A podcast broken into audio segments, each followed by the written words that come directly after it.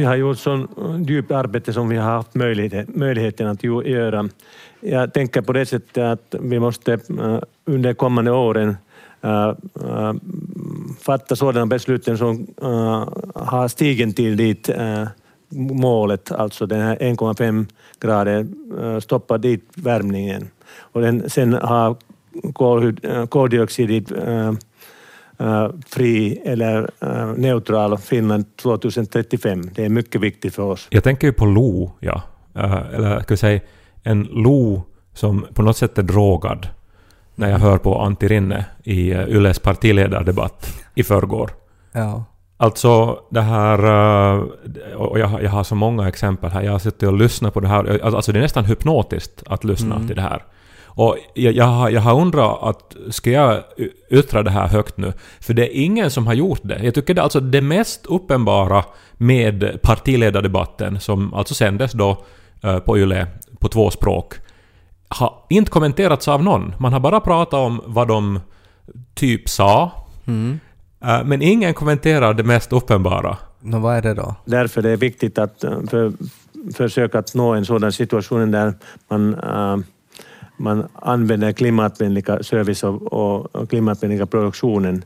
Och sen, jag vill säga att det finns inte en del av äh, samhället som är, äh, äh, eller alla delar av samhället. Ingen, ingen, ingen liksom nämner det vid namn. Eh, alltså man pratar bara om att ja, de var lite otydliga. Eh, Anna-Maja Henriksson tog allt för mycket plats, eller hon pratade på de andra. Uh, Li Andersson är liksom den bästa retorikern, men hon borde också ha vassare exempel. Allt sånt skriver man. Mm. Men ingen liksom nämner elefanten i rummet. Vad är elefanten i rummet då? Om vi, är, om vi är här i Finland är en del av lösningen. Alltså vi är inne i, uh, inne i lösningsprocessen när det gäller värmingen, klimatvärmningen. Så vi kan alltså ha ha en hållbar ekonomi i framtiden på det sättet att man, man bygger på, det här, på den slags lösningar eh, inom teknologin, inom, inom skogs uh, och så vidare, att, att vi kan använda den här teknologin som vi nu för tiden har för att lösa eh, problematiken, till exempel om utsläppen i, i Kina eller Indien. Ja, till början, ursäkta, men jag ska äh, svara på, på finska eftersom så det blir mindre missledningar. Alltså du ler ju, men du, du, du vågar inte heller säga det. No, alltså de är ju inte så jättebra på svenska. men jag är ju inte så jättebra på finska heller. Ja, men, för det är ju just det här att jag, jag är ju inte heller... Alltså under mitt liv har jag inte varit jättebra på finska. Och, och, och, det har varit en akilleshäl för mig. Och jag tror att jag talar för jättemånga av våra lyssnare nu också. Mm. Jag har ju dock med åren då lärt mig bättre finska som gör att... Alltså jag är ju idag inte heller på något sätt tvåspråkig, men att jag har slutat skämmas för det, mm. så, så, att säga. Det är ju ett jättestort steg. Det är ett jättestort steg. Och det har ju tydligen också Antti Rinne gjort här med mm. sin svenska här. Ja. Men, men nu är det ju någon sorts fars ändå, det här. Och att ingen kommenterar det och att vi liksom fäster oss då vid saker som vi tror att han säger, men om man skulle börja transkribera det, det, det han säger mm. så är det ju i, i princip obegripligt. Jag tänker ju att det kanske är en helt bra egenskap att ha som politiker. Alltså att att han känns inte för att han inte är så bra på svenska för att han egentligen gynnas av det. För att som politiker, ibland så vill man ju inte vara så tydlig. Att ibland så vill man ju bara prata sin stund och, och så får man läsa mellan raderna för att man kanske inte har ett jättebra svar. Eller man vill prata runt någonting. Om man då inte behärskar språket så kan man ju alltid skylla på det. Absolut, så är det. Men om man nu Uh, förmodligen blir vår nästa statsminister. Nu är ju det här en, eller valet är ju på söndag, mm. så att uh, vi ska ju dra några slutsatser här. Men att uh, förmodligen blir Antti Rinne vår nästa statsminister. Allting tyder på det just nu. Mm. Och då borde man väl ändå kunna kräva någonting annat än den här uh, perusade treåringen Lo som, som försöker förklara vad han har gjort på dagis. Mm. tusental mer vårdare och läkarna. Och sen det viktiga är att till grundnivån i sjuk, sjukvård, man, man har en garanti för sju dagar att nå läkaren. Kan vi prova så att om jag säger Lo, nej du får inte ett kex till frukost och se om det där funkar som svar. Ett utmärkt test tycker jag. Okej, varsågod. Nej Lo, du får inte ett kex till frukost. Det, det är viktiga sakerna därför att det är konkreta frågorna som måste uh, korrigera nu för tiden. Alltså det, fick, uh, det är sönder så, några sakerna som man behövs att korrigera. I, inte bryta ner systemet som, som är, är aktivt och som, som, uh, som toimijat som fungerar idag. ja, no, precis. Uh, men no, jo, det, det, här är väl, alltså för, frågan är ju att är man elak nu? För det, till saken hör då att, att Antti Rinne är en av de få som faktiskt pratar jättemycket svenska i den här debatten, av de mm. som inte har svenska som modersmål. Mm. Där finns ju Anna-Maja Henriksson, Li Andersson, som ju förstås pratar svenska. Men sen uh, Kai Mykkänen, som är istället för Petteri Orpo från Samlingspartiet, han är där, han pratar absolut mest finska Sari Essayah försöker lite på svenska, sen byter hon till finska. Uh, Sampo Terho från De Blå så pratar bara finska, riktigt så här som att, att, att han tänker inte säga ett ord på svenska. Mm. Och, och, och sen är också uh, Jussi Halla-aho och uh, Juha Sipilä överhuvudtaget inte på plats. Så att uh, jag menar, det är ju fint att Antti Rinne är där och att han försöker, men samtidigt är det det. Vad vinner någon på att lyssna på den här om jag får säga förnedringen, för att han, han, han, han gör ju ändå bort sig. Nu gör han ju det. Ja, nå no, alltså jag vet inte, att kan, kan det tolka det som att han tror att han pratar bra svenska? Och då, då vet jag inte heller om det är så bra, om han tänker att... Nej men vi har ju på något sätt nu eh, växt upp med det här att det är viktigast att man försöker och att mm. det gör ingenting om det blir lite fel. Mm. Och på ett sätt håller jag med om det, men i något skede så måste man väl dra en gräns också. Mm. Och eventuellt är det då allra senast då när man ska bli Finlands statsminister. Eller så handlar det om en viss ålder eller ett visst uppdrag, som att om man nu ska faktiskt prata i TV, så, mm. så borde man väl på något sätt försöka nå en viss nivå innan man tar sig an ett sånt uppdrag. Mm. Eller har jag fel? Eh, samtidigt så kanske man kan se på det också då från det hållet att han nu då visar åt alla då att, eh, att man kan bli statsminister även om man inte är jättebra på båda språken. Och att om han vågar göra det här liksom så här offentligt så, så måste väl vem som helst våga då prata till exempel dålig finska när man ska fara och besikta bilen eller någonting. För jag menar, där spelar det ju inte alls så stor roll som det gör i det här sammanhanget. Nej. Men jag vet inte var jag ska landa här. Jag är bara överraskad över att ingen benämner elefanten i rummet det mest uppenbara med den här valdebatten. Du ska använda finska. Det är lättare för mig att, att okay. berätta om det här. Men, Men det är väl det där som du var inne på, alltså att det är ju, det är ju ett, ett, ett försök som man eh, får nöja sig med. Alltså för att vi är ju ändå så pass, det är ju ändå så pass sällan som man äh, får prata svenska. Så därför så blir man ju så glad att, att man ens någon försöker prata svenska. Och så nöjer vi oss med det. Men frågan är ju nu då att eh, med att nu då benämna elefanten i rummet, har jag liksom fått människor att bli ännu mer rädda för att våga prata sitt andra språk? Eller har jag liksom väckt uppmärksamhet för hur dåligt ställt det är med svenskan i landet? I och för sig ingen nyhet. Du kan ju tänka sådär att de flesta människor pratar ju inte om att andra pratar dåligt ett språk. Utan att de flesta är ju sådär glada att fast han var dålig på svenska så försökte han på svenska eftersom det är ändå ett minoritetsspråk. Men varför är det viktigt om det är så här dåligt? Ehm, det handlar väl mer om en attityd. Att han, att han är medveten om... Nu måste jag utgå från att han är medveten om att han är dålig på svenska, men att han ändå försöker. Det är bara att han går ju över den här gränsen där det är att hans... Eh, att han är så dålig på svenska så att hans svar blir sämre.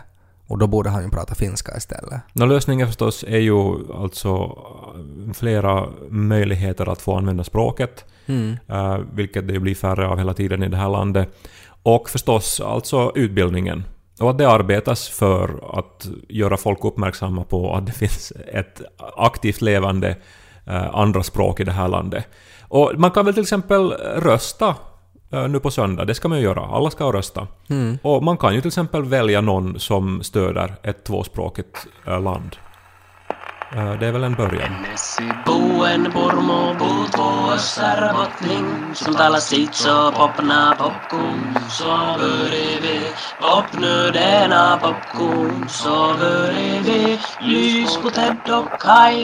Jag har ju varit i Island i Ja, helgen. det syns inte på dig tänkte jag säga. Nej, hur borde det synas på en när man varit i Island? Tänk att man har frost i mustaschen eller någonting. Mm, lite sälskinn mellan tänderna. Ja, jag har aldrig varit på Island, men att eh, jag tänker mig att det är som North of the Wall i Game of Thrones. Det är ganska exakt så. Det här var mitt eh, andra besök till Island eh, och Island är ju fantastiskt tycker jag. Det är ju närmast en religiös upplevelse som jag har varit på, är ju när jag har varit på whale watching på Island.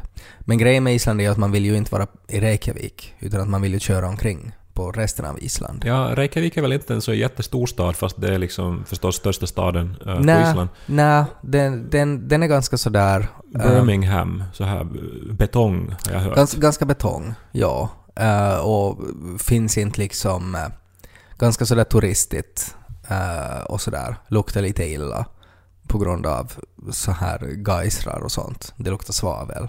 Ja, men det är ju In, charmigt inte, ändå. inte så mycket tryck i duschen. Det är ju inte charmigt heller.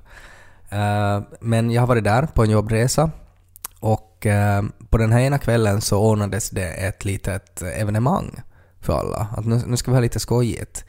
Eh, och så var det då en, det här, det här var väldigt hajpat alltså att vi skulle ha en, en lokal guide som var alltså expert, alltså musikexpert, expert på isländsk musik. Och han skulle eh, ha en sorts rock walk. Så alltså det här var liksom då eh, Islands Mårten Holm nu då, som kommer då och har förberett liksom lite fakta, nuggets och några sköna klassiker som han ska spela upp. Ja, så kan man ju tänka sig, men sen så har ju ändå, alltså Island har ju en, en ganska intressant sån här rockhistoria, alltså att det finns ju då Sigur Ros och Björk och sådär och att det här, punken har varit väldigt stor i Island och sådär Eh, och, att det satsas väldigt mycket på musik.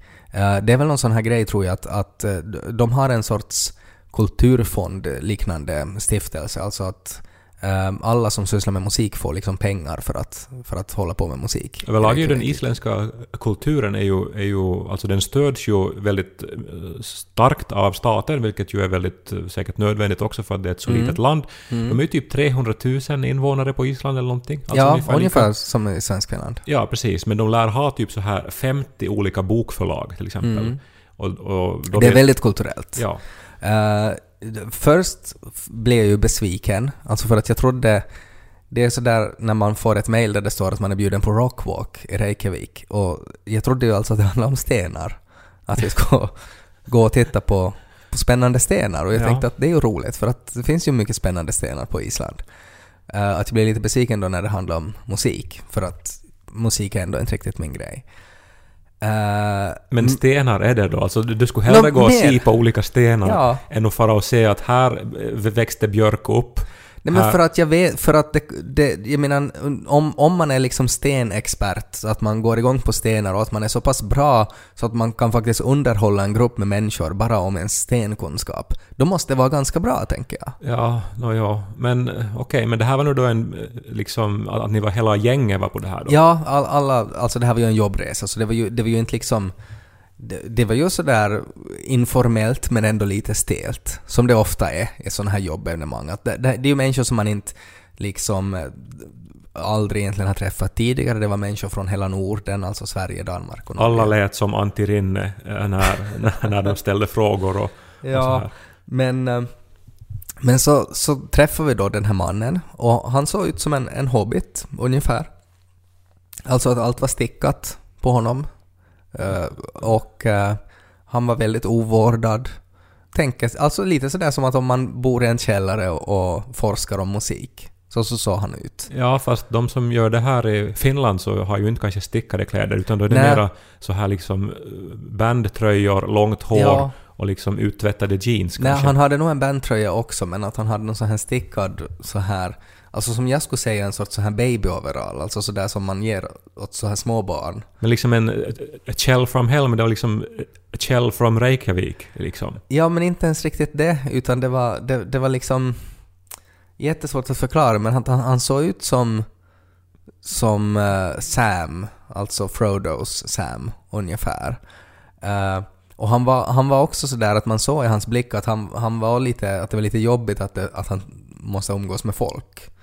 Vilket ju också är en intressant så här reaktion att om man på riktigt är liksom att man håller tours åt folk. Och så var det ganska dyrt, alltså för att jag kollade upp sen, alltså att han tar 50 euro per person.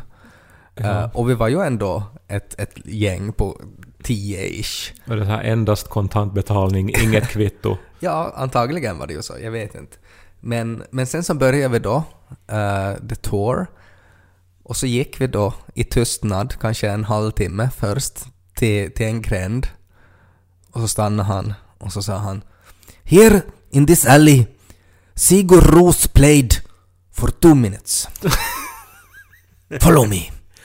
Och så gick vi 45 minuter till en annan gränd. Here in this alley, Björk played the violin. Var han från Indien också den här? Nej, men han, de låter sådär, exakt sådär i Island. Men Äh. så alltså det, det, det, det var olika gränder då? Där Det var olika stått- men, men sen till sist så kom vi till en någon sorts bastubutik. Alltså en, en liten, liten butik som, som var alltså... Det var så här oljor och dofter och sånt sålde de där. Och så gick vi in dit i den här butiken och det var en jätteliten butik och det var allt för många människor. Och så sa han Here in this shop Sigur Ros is the name of the sister who works here. Follow me. Alltså- Alltså, 45 minuter. Alltså det var... Alltså sångaren i Sigur Ros, det var hans syster som ägde en butik. Och hon heter Sigur Ros, tydligen. Men var hon där då? Ja, hon stod där och tyckte det var konstigt. Det var ju jättekonstigt. Viskade han då för att hon inte skulle höra? Ja, det var så. liksom? Ja, nå, ja. Sen får vi ner i källaren dit och där, där fanns det det var en stol, alltså en, en helt mörklagd liksom fritzelkällare där det fanns en stol i mitten och så sprutade talldoft ur taket. Och där skulle man sitta.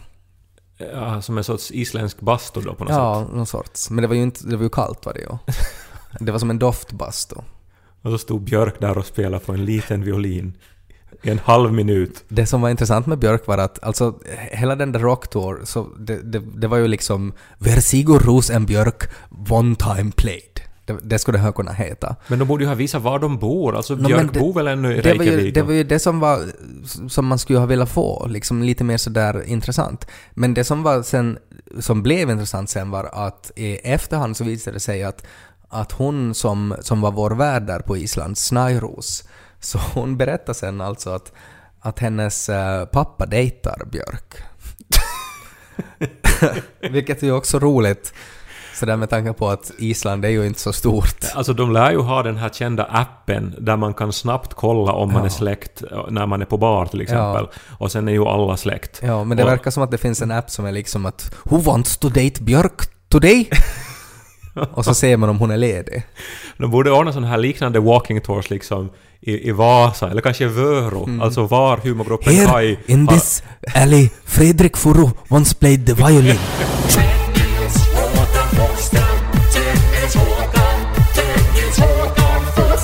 Det talas ju eh, mycket i amerikansk media om den så kallade Deep State. Mm. Eh, Det är framförallt då eh, Republikanerna och Trump då som ju menar att det här existerar och att de då ska försöka utrota the Deep State. Alltså det är väl en konspirationsteori? Ja, alltså det, det är väl alla som har sett på X-Files så känner ju till den här, den här, den här samlingen med äldre herrar, bland annat The Cigarette Smoking Man, som ju då är som en spin doctor som Ja. egentligen får allting att hända. Lite Illuminati. Ja, lite grann så. Eh, men jag har nu börjat tro ändå att, eh, att det nog kanske finns någonting eh, i Finland. Okej. och det här, jag, jag har inte ännu samlat alla bevis, men jag tror att posten är, är inblandad. Ja, Och jag tror att de, de, de, de vet mer om oss än vad vi vill. de vet ju var vi bor allihopa. Ja, nej, ja men på ett ganska obehagligt sätt. Eh, Mhm. vi, vi, vi har råkat ut för ett mysterium och nu har ju alltså min mamma jobbat eh, 30 år på posten. Mm. Så jag ringde ju genast till henne när, jag då, när det här mysteriet uppdagades. Mm. Men inte ens hon kunde förklara hur det här har gått till. Okej. Nå, till saken hör då att jag då och då skickar vanliga brev. Mm. Eftersom jag tycker det är fint att, att få såna och, och också att skriva såna. Och nu skrev jag då till några vänner i Stockholm ett helt vanligt eh, vykort som jag satte in i ett kuvert. Skrev vännernas adress på kuvertet och uh, skickade iväg det då för 2,50. Det är ju ändå billigt för att göra någon glad. Ja, jag. verkligen. Ja. Och eh, så går det då en månad och vännerna, vet du, de, de eh, reagerar inte. Nej. Jag tänker att ja, no, men så mycket var min vänskaplighet värd. Mm. Att stryka de här vännerna då från någon lista då, kanske. Eh, Men så kom plötsligt då eh, brevet i retur Mhm. eh, till mig. Ja. Och hade då en massa stämplar på sig då att adressen var felaktig. Och, och någonting att det här brevet har blivit skickat till, till, till Malmö där de har haft någon utredning. Och, eh, och så har det då skickats tillbaks till mig. Mm. Till saken hör nu då att på kuvertet då hade jag inte skrivit någon avsändaradress. Utan endast då liksom adressen då till mina vänner. Ja, så kunde det komma tillbaks till dig då? Och brevet var förslutet. eh, Men inuti fanns då ett vykort där det visserligen stod så här glada hälsningar och mitt förnamn. Mm. eh, Men inget annat. Absolut Nej. ingen adress, inte ens mitt efternamn. Nej. Hur har posten i Sverige då hittat min adress och vetat vem som har skickat det här brevet? Ja. Så att det hittat tillbaks till mig. Ja. Det måste ju vara... De här vännerna som har sagt skicka det här tillbaks till Kai Korkeaho. Vi vill inte ha något med honom att göra. Så du menar att de är med på det här? ja. Att de är trötta på, Ja. på mina brev? Nej men för att du spammar dem hela tiden med vykort Nej, men som de inte vill ha. Det, alla vill ju ha vykort av sina vänner. Och det, det är ju en otroligt, det var ett roligt kort. Mm. Var det. det var så här nakna män på det och, Ja, och, och det här. Liksom, jag tycker att det, det är nog uteslutet. okej. Men alltså det må- måste ju vara så att de har skickat det här då till någon sorts central i Malmö tydligen då. Där de eventuellt då har mina fingeravtryck. Eller någon sorts DNA-analys. Vi har ju som slickat då på det här kuvertet när jag har stängt det. Liksom så, alltså det är de enda eh, eh, förklaringarna jag har. Alltså fingeravtryck eller DNA. Och du, du har bara... Jag tänker sådär att om de har hållit upp det mot en stark lampa och så har de kunnat läsa vad som står där inne. Och så har det bara stått Kai då. Det har bara stått Kai och typ någon sån här rolig hälsning och så här f- försök till vits och så vidare. Men inte kan de ju ha liksom ditt DNA i Malmö. Nej men det är ju det som det verkar, alltså det måste ju finnas någon sån här hemlig organisation bakom posten då. Som har tillgång då till säkert Säkerhetspolisens register, säkert till alla mina läkarbesök och, och just alla blodprov och sånt. eh, Som då kan räkna ut grejer. Eh, Utgående då från, från små, små ledtrådar. hur postar du det här? For du med det till en post eller for du, satte du det i en postlåda? Jag gick med det till den här huvudposten. Ja. För att det Så- råkar vara på vägen till mitt Så arbetsrum. då hade ju kanske där i något system då så hade liksom blippat att nu har Kai Korkeaho skickat ett brev. Men så har de fotograferat mig då och så har det funnits någon sån här Nej men ansiktsigenkänning. om, om du har betalat det med ditt kort eller någonting så har det ju varit liksom... Så finns det ju någon, i något register att namnet på den som har skickat det här. Så det måste vara därifrån det har kommit. Men inte samlar man ju in namn inte. Alltså jag Nej men det, jag, finns, jag la- det finns ett kvitto på att Kai Korkeaho har betalat det här. Nej men eh, jag hade frimärke färdigt. Jag har ju frimärken hemma givetvis som ju varje ansvarsfull husmor bör ha. Mm. Så att jag hade ju frankerat det hemma. Och bara förde in det liksom på vägen till arbetsrummet. Så att liksom det, det, det är någonting. Någonting skumt här. Men tror du din mamma är med på den här konspirationsteorin då? Nå, inte vet jag vad hon skulle eh, liksom vinna på att hålla det hemligt i så fall, för att jag ju ringde till henne och frågade. Nej men om hon har jobbat där i 30 år så nu måste de ju ha någon hållhake på henne att hon måste hålla det hemligt ännu nu. Men vad skulle någon tjäna på det här då, på att känna till då min adress då och, och känna Nej men till... det är ju inte bara min... din utan det är ju allas adresser. Är det handstilsigenkänning? Är det det då? Har de det? Jag menar, det är ju en sån här superkraft som jag var intresserad av som barn. Ja, men det, det tror jag nog inte. Jag tror nog det är mer logiskt då att du finns i något register i Malmö. Men jag har ju knappt varit i Malmö. Hur blev din mamma då när du ringde henne? Blev hon så här konstig och, och så det här tillbakadragen och sa att det här ska du... Du ska inte... Du ska bara... Du ska inte tänka längre än vad näsan är lång eller något så här konstiga liknelser. Det- Alltså du känner ju min mamma, bara den här idén att hon skulle vara någon sorts frimurare eller någonting är väldigt, väldigt långsökt. Ja men det är ju också sådär med tanke på att, att när jag känner henne så är det ju också att det skulle kunna vara någon som hon som skulle vara någon sån här high dragon någonstans.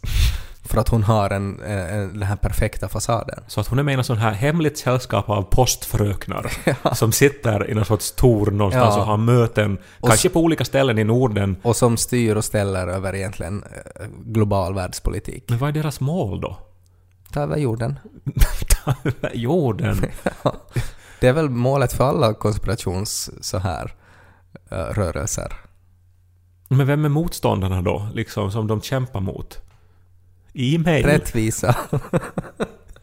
ja, e-mail, digi-tv, alla så här nymodigheter. The Bulla Eating Woman. Inte riktigt lika dramatiskt som The Cigarette Smoking Man.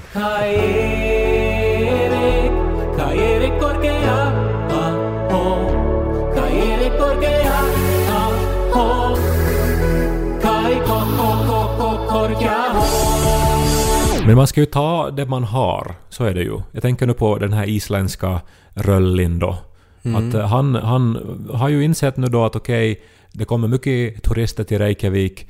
Jag tar det jag har för att göra ett levebröd. Ja, jag är då- inte så bra på rockhistoria inte, men, men jag kan ju åtminstone ljuga och säga att Sigur Rosa spelar här. Ja, och jag känner ju lite grann den här affären där Sigur Ros... Säkert Ja. var det ju inte Sigur Ros syster, det var ju säkert alltså någon... Han var säkert kär i henne och, och stalka henne eller någonting. Att därför, en sån här ursäkt att nej men det är inte jag som vill komma hit och stirra på dig, det är den här gruppen med människor som vill höra rockhistoria. Ja, men jag menar alltså, och ingen kan ju faktachecka heller, för ingen Nej. skulle våga gå fram då till den här besvärade damen i kassan och fråga om det här är sant. Mm, nej, det är Liksom, sant. jag menar, om jag skulle ordna det här då i, i Vasa, så skulle jag vara Mm. då att ja, det där, det, det är Fredrik Foros uh, det här g- gambefaffa till te.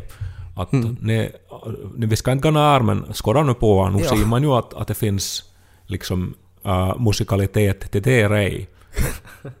Ja, och man ska acceptera det. Ja, precis. Och så ska man ge dig 50 euro. Ja. Och sen ännu det här apropå att ta det man har. Antti Rinne, han tar ju det han har och använder sin lilla svenska. Mm. Eh, I det här fallet så räcker det ju inte. Nej. För att man förstår ju inte vad han menar. Men, Nej. men han tar det han har. Och tanken är väl ändå god. Sådär att han gör ju det, det är ju inte av ondskefullhet han gör det. Nej, men varför vi som eh, finlandssvenskar på något vis eh, ler tacksamt åt det här och är som att ja, nej men det var nog fint att han försökte. Mm, för att vi är så... Är vi på en sån nivå att, att, att det räcker så? Ja. Jag tycker inte att det räcker så Nej. när det handlar om vår möjligen blivande statsminister. Mm. Ja, och apropå att ta det man har, så många är ju så här skeptiska att löns det nog att rösta? För att min röst är en röst bland miljoner. Vad spelar det för roll? Mm. Men man kan ju ta det man har då. Det är ju det enda sättet man kan på något vis inverka. Och, och bör inverka. Mm. Och, och eh, det kan vi väl uppmana till. Rösta på söndag. Du har också tagit det du har, ser jag. På den där tröjan och, och det där håret. Ja. Men eh, det är fint. Ja, jag gör mitt bästa. Nej. så att du menar att om du skulle fara till Slottsbalen så skulle du se ut exakt Så sådär? du menar att mitt utseende är Antti Rinnes svenska? Ja. Not good enough, damn it. Det här är en Svenska Yle-podd.